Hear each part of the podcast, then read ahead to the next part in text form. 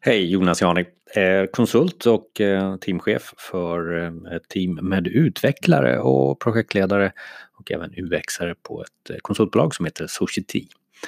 Och när vi nu kommer vidare i det som vi kan kalla digitalisering, vi tar oss vidare för att se vad är våra kunders nästa steg.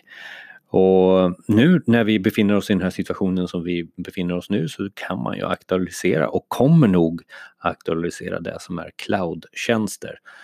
Och det har väl de senaste åren eh, definierats upp som att det är en tre, fyra spelare som, som spelar runt om de här cloudtjänsterna och Amazon och Google och och våra vänner på Microsoft är väl de som har de största cloud-tjänsterna och de heter ju olika saker som Azure och Google eh, Cloud Platform eh, och eh, även då AVS. När man som utvecklare tar sig an detta eller som jag som kanske inte utvecklar varje dag tar sig an en ny cloudtjänst så har jag kommit fram till att de, de liknar ju varandra, det vet vi alla om, men vad gör jag för att ta mig in i det första steget? Oftast är det ju så att eh, alla de här eh, plattformarna eller leverantörerna av plattformarna erbjuder någon form av eh, essential eh, eh utbildning, alltså någon grundläggande plattform att stå på för att Eh, Eh, förstå sig på plattformen och förstå vad den innehåller. Och där någonstans så tycker jag att det är en bra början. Du kanske inte behöver kanske gå en certifiering eller, eh, eller ta den här längsta kursen. Eh, det är ju upp till dig hur mycket kunskap du behöver fylla på. Men den kunskapen du behöver ha som jag har kommit fram till och det jag tycker det är att hålla ett brett eh, kunskap om alla de tjänsterna som finns i cloudplattformen.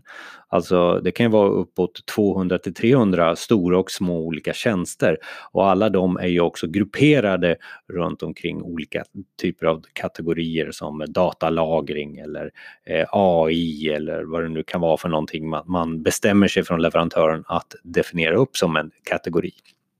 Att hålla reda på de här kategorierna och även specialisera sig på någon av detaljerna i varje kategori kan vara väldigt nyttigt för att svara upp mot vad kund efterfrågar. För det är ju nämligen så att när du sitter där eh, runt eh, bordet eller diskussionen med kunden, då får du ju oftast frågor som du kanske måste svara på direkt kanske inte kunskapsmässigt men i alla fall veta om vart det finns någonstans. Var någonstans eh, det finns i, i, i verktyget eller i cloudtjänsten, vad verktyget gör för någonting, vad har du för en erfarenhet runt omkring verktyget och vad behöver du läsa på mer om verktyget. Det är inte så att du behöver kunna kanske eh, 200 till 300 tjänster, det är inte det eh, man är ute efter här utan initialt så handlar det om att få en förståelse, en överflygning om vad är det för någonting som, som Eh, behövs eh, kunnas i de här olika plattformarna. För då så kan du ta det vidare sen med den specialitet du står för som utvecklare eller projektledare eller vad du nu är för roll för att förstå sig på eh, cloudtjänsten kopplat till kund. Det andra steget det är att förstå sig på själva navigeringen runt den konsolen som oftast blir, alltså det gränssnittet som man har för att eh, navigera och försöka eh, Eh, även använda sig av det här verktyget, cloudverktyget. Det är oftast en panel för att, eller många paneler för att lära sig att gå in och, och klicka till eh, olika typer av inställningar som behövs, behörigheter, säkerhet etc. Att kunna navigera i plattformens eh, gränssnitt och förstå sig på vart man hittar och hur man sätter igång sådana här olika tjänster och hur de fungerar. Att börja smaka där och börja leka där. Att ha en liten testplattform kanske för detta eh, privat eller via eh, några av de här cloud-leverantörerna eh, eh som oftast till utvecklare har en speciell licens där man kan just testa och sätta upp miljöer och ta ner miljöer. Att lära sig det, att lära sig konsolen eller att lära sig vart någonstans den navigerar, det innebär ju att du har ganska stort försprång sen när du ska eh, klicka dig vidare i, i vad kund efterfrågar. Eh, för att så fort det skulle vara ett hinder att veta var någonstans du ska sätta igång de här tjänsterna, mm, då, då tar det lite längre tid. Så att läs på där, förstå dig, eh, resan i de här konsolerna i det här gränssnittet, då tror jag du kommer väldigt långt. Och som en sista del i den här grundplattformen för att förstå en cloudplattform så är det just kostnadskontrollen. För att det är ju så när du sätter igång en tjänst så är det ju inte att det kostar up, eh, front upfront direkt utan den kostar ju nu löpande. Löpande på hur mycket data du konsumerar eh, och hur mycket upptid det är på de här tjänsterna. Så försök att lära dig så mycket som möjligt om kostnadsbiten runt eh, de tjänsterna du sätter igång i cloudplattformen. För det kan ju nämligen vara så att det kommer en riktigt saftig räkning om du inte gör detta och har kontroll alltså.